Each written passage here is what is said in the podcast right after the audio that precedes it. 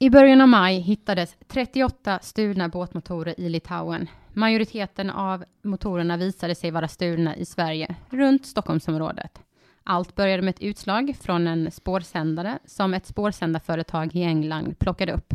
Ni lyssnar på Larmtjänstpodden och idag ska vi prata om eh, de svenskstulna båtmotorerna som hittades i Litauen.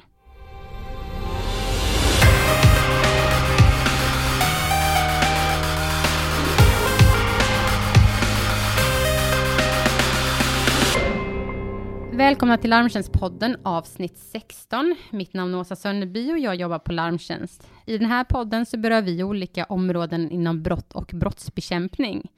Podden finns att ladda hem på iTunes, Soundcloud och podcastappen. Tycker man att man saknar någonting så kan man mejla till larmtjänstpodden larmtjänst.se. Men nu så kör vi igång med säsongens sista avsnitt och i studion har jag Karina Birking från Larmtjänst. Hej Karina! Hej! Du har varit med tidigare i Larmtjänstpodden, en gång tidigare, och pratat om båt, båtstölder och båtmotorstölder. Mm, eh, du får gärna presentera dig ännu en gång för de som kanske inte har varit med och lyssnat på det, på det poddavsnittet. Ja, jag jobbar ju här på Larmtjänst och är ansvarig för allt som har med båtrelaterad brottslighet att göra samt vårt båtstöldsregister. Perfekt. Vi har haft en hel del stölder eh, under året. Kan du berätta lite hur det har sett ut? Ja, det stämmer. Första kvartalet eh, 2017 här så har vi haft en kraftig ökning av båtmotorstölder och det är främst Stockholms län som har blivit drabbade. Eh, det, det, har till och med varit så att om vi tittar på hela landet så ser vi en 25-procentig ökning under året. Det är väldigt mycket, det är en kraftig. Ja, det är faktiskt en kraftig ökning. Vi har inte sett det här tidigare och Eh, eh, det är ett nytt modus tillvägagångssätt som de här kriminella ligorna har börjat med. Eh, och hur ser det ut? De har varit aktiva där under de första månaderna på året. Ja, det stämmer. De har eh, främst gett sig på vinterförvaring där, där man lämnar in sina båtar för förvaring under vintern. Där har man gjort inbrott och tagit bara båtmotorer. Sen har man också i Västra Götaland haft en, en kraftig ökning och där pratar vi om sjöbodar och i 20 till 21 mars var det eh, inbrott i cirka 50 sjöbodar där man tog bland annat motorer och annat också. Um, vi ska ju prata om det här ärendet som jag nämnde inledningsvis, där man faktiskt hittar 38 motorer i Litauen. Eh, majoriteten av de här motorerna visade sig faktiskt vara eh, stulna i Sverige under en period. Det var väl december 2016 och slutet av mars kanske? Eh, ja, nej, stämmer. Ja. Ja, slutet av mars. 2017. Eh, eh, hur började hela det här ärendet? Vi får nog backa där. Det var slutet av mars. Slutet av mars? Nej, förlåt. Slutet av februari. Slutet av februari, ja. Mm. Hur, eh, hur började allting? Det började med att 6 mars så hör ett spårsändarföretag av sig från England och den kontakten kom via IAMI. IAMI är en marin organisation i Europa som jobbar med marinbrottslighet där jag är medlem. Mm. Eh, man hörde av sig och berättade att man har fått en signal från en stulen båtmotor i Sverige som hade spårsändare. Och man ville ha hjälp. Man kontaktade även sjöpolisen i Stockholm samma dag eftersom den här motorn var stulen i Stockholm. Mm. Eh, man ville då att svensk polis skulle åka ner tillsammans med det här spårsändarföretaget och försöka säkra den här båtmotorn. Men eh, problemet var att svensk polis fick inget tillstånd för detta. Och eh, det egentligen lades på is ärendet lite grann. Men sen efter några veckor, den 23 mars, hör man av sig igen och talar om att nu har man fått en ny signal och en exakt position. Det togs kontakt med inofficiell kontakt hos polisen i Litauen. Eh, som till slut fick fram att man från Litauen krävde en officiell begäran från svensk polis för att överhuvudtaget agera Mm. Och i det här skedet, då visste man inte om att det var så här många motorer eller som det uh, rörde sig om, 38 motorer? Nej, och det var väl det som var problemet för svensk polis att kunna agera med tanke på att det var en 50 hästars Yamaha-motor som larmade. Det var Mm. väl för lite värde också. Mm. Vad, eh, vad hände sen då? Eh, gick man vidare med eh, den här informationen? Ja, problemet var ju då att det skulle gå den officiella vägen och det slutade med att sjöpolisen i Stockholm kontaktade Spoknoa. Det är ett nytt namn för Interpol kan man väl säga. Eh, och även jag från Larmtjänst kontaktade dem och vi förklarade situationen och att vi förstod att det förmodligen fanns mer gods på den här platsen. Vi hade samma dag också fått information att eh, man kunde se på satellitbilderna att eh, den här mo- motorn låg i en lastbil som rörde sig inne på ett industriområde. Mm. Och det kan väl vara en ganska stark indikation om att det inte bara, man har inte bara lastat det med en motor. Nej, precis. Eh, och som tur var då så en polis där uppe på Spocknova då tog tag i det här och eh, skickade en begäran från Sverige då ner till Litauen. Och eh, dagen efter den 26 mars så gjorde polisen i Litauen ett tillslag eh, ute i det här industriområdet och hittade en lastbil och man hittade också den här stulna båtmotorn med spårsändare i en lastbil som sagt med diverse annat gods. Vad eh, diverse annat gods, det var alltså inte bara båtmotorer i den här eh, lastbilen? Ja, det var lite rörigt i början där. Det kom olika. Ena stunden var det 50 båtmotorer, det var bildelar med mera, med mera. Men 19 april då så meddelar gränspolisen i Litauen då, eller bekräftar att man har hittat då sa man ett 50-tal båtmotorer i den här lastbilen men att merparten saknade ID-nummer.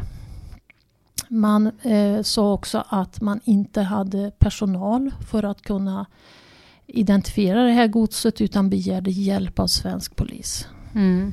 Eh, får jag bara fråga, när man eh, eh, tog den här lastbilen, stod lastbilen öde eller var det personer där som man eh, grep eller har du någon information om det? Jag har faktiskt ingen eh, information om det men vad jag tror det var väl kanske att man fick fram vem som skulle köra den här lastbilen. Ja, okej. För den här lastbilen skulle köra vidare till Vitryssland. Okej. Så man kom i kontakt med den som skulle köra bilen och företaget så att Mm. säga. Mm.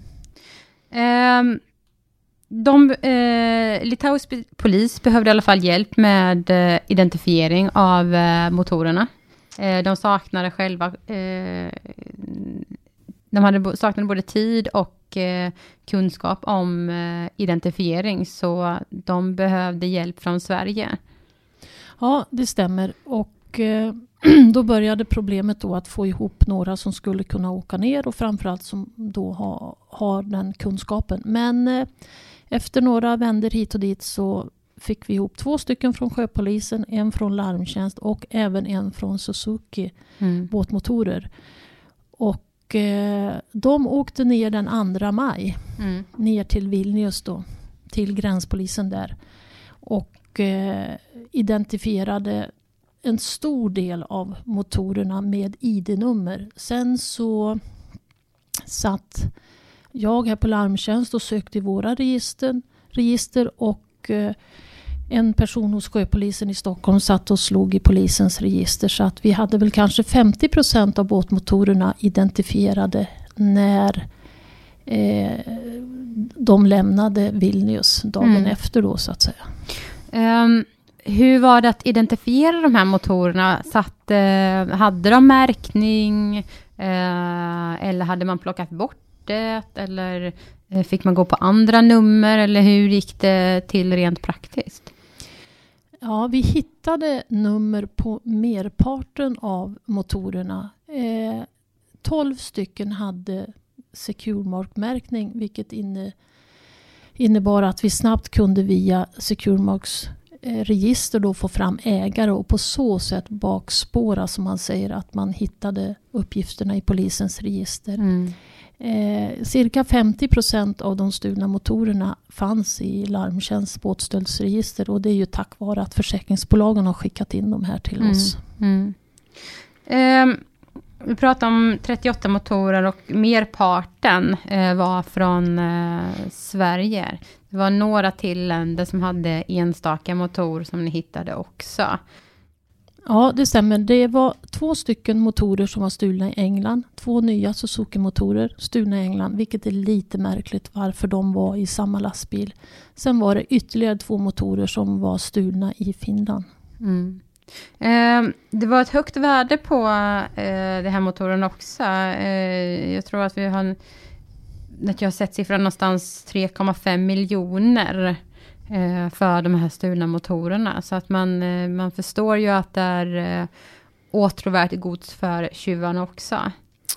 Ja, det stämmer. Eh, det var det var ganska många, eller vi kan säga så här, merparten var ganska nya motorer Mm. och det var även eh, stora motorer. Mm. Eh, det var väl 12 motorer av de här 38 som var mer än 100 hästkrafter. Den största var på 250 hästkrafter så att eh, därav att värdet blir så pass högt som 3,5 miljoner. Vad kan man räkna med att en motor i den storleken ungefär eh, är värd?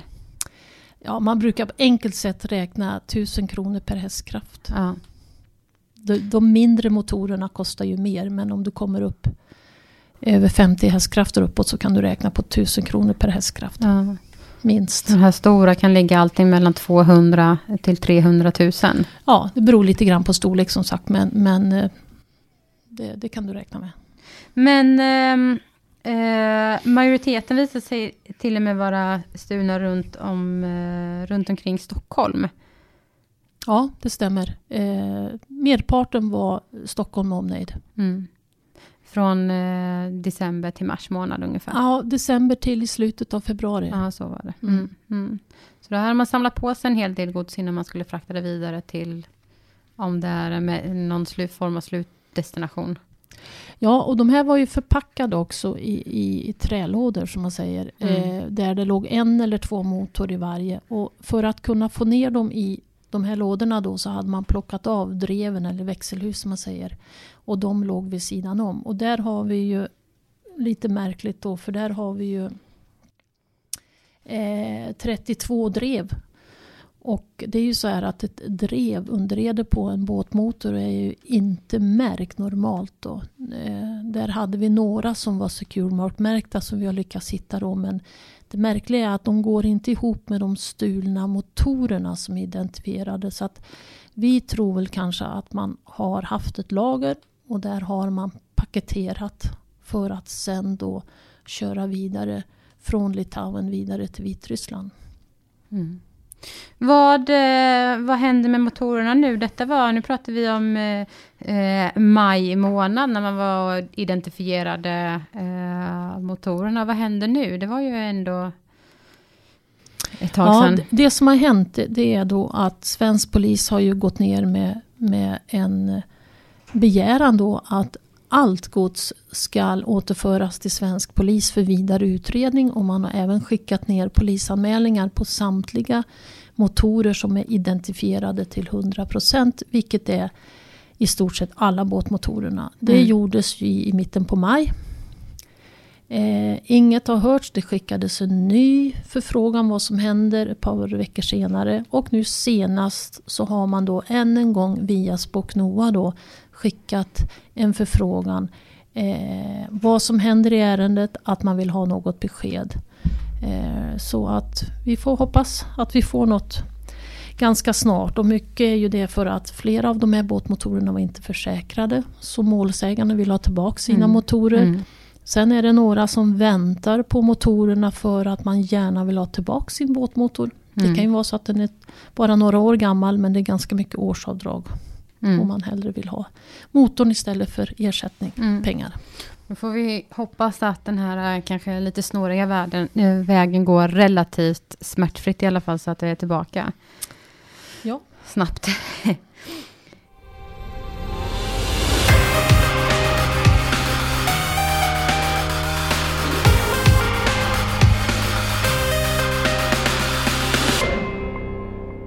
Karina, vi pratade om att det var större motorer eh, som man hittade i det här beslaget. Vad, eh, vad kan sådana här eh, stora motorer väga ungefär?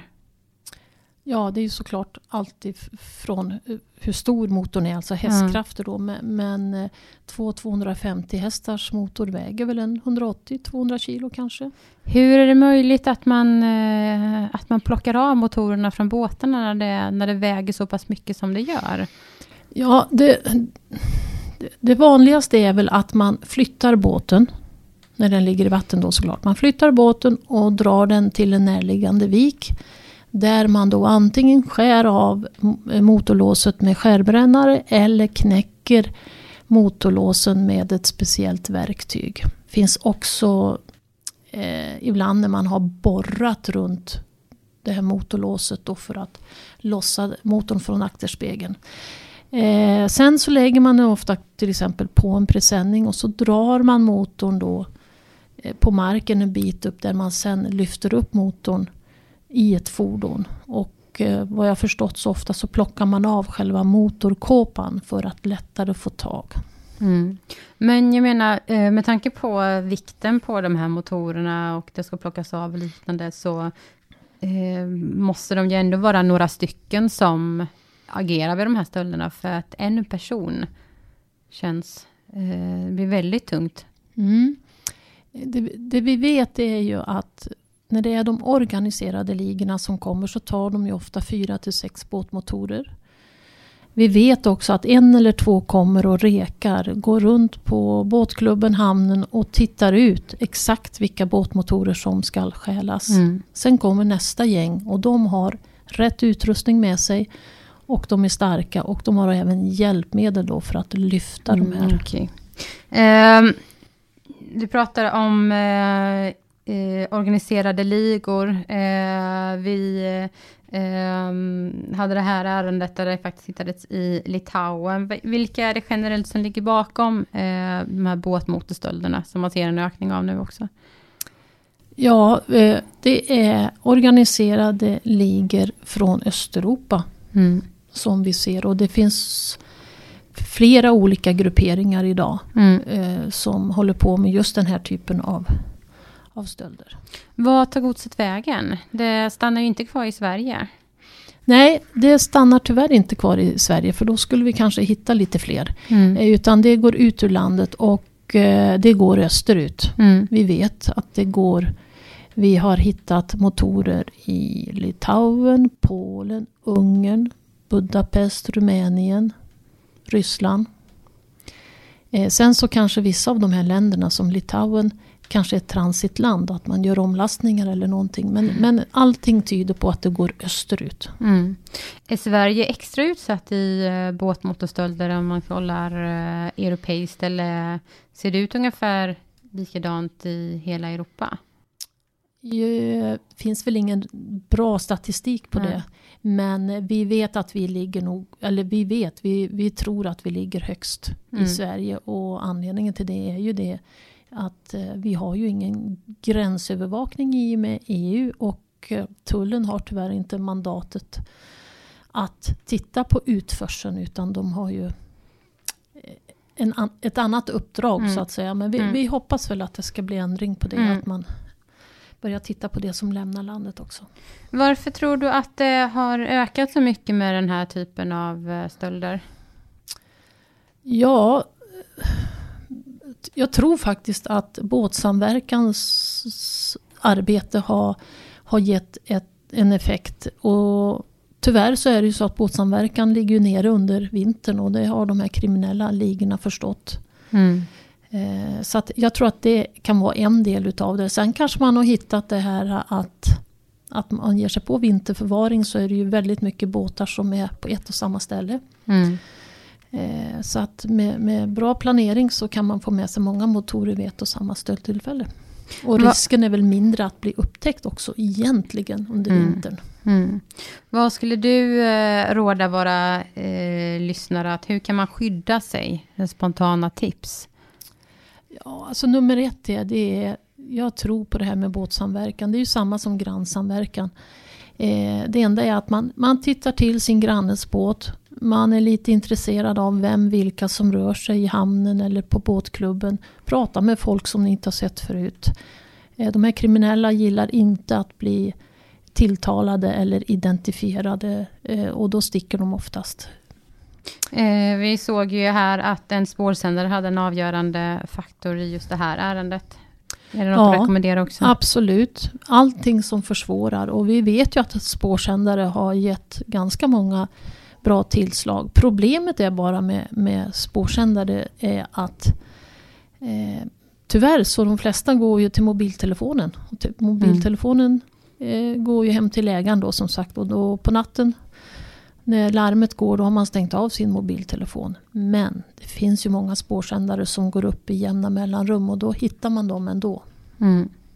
Så absolut, spårsändare är jättebra. Och eh, även den här gången så eh, kunde man ju faktiskt identifiera genom märkning. Så märkning kanske också är någonting att lyfta lite extra. Ja, absolut. Märkning är jättebra när man ska identifiera.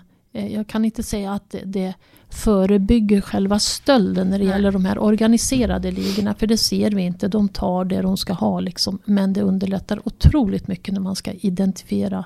För många gånger så plockar de bort den här lilla klisterlappen som sitter på båtmotorn eller inne på blocket. Mm. Så båtsamverkan, spårsändare och märkning är i alla fall någonting man kan ha med sig eh, som eh, båtägare med Tyck. motorbåt. Ja, eller med båtmotor. Verkligen. Mm. Eh, vi går nu in eh, till som, de här sommarmånaderna när man använder båten. Vad, eh, vad ska man tänka på både nu under den här perioden, sommarmånaderna, men även efter, om man säger i början av hösten?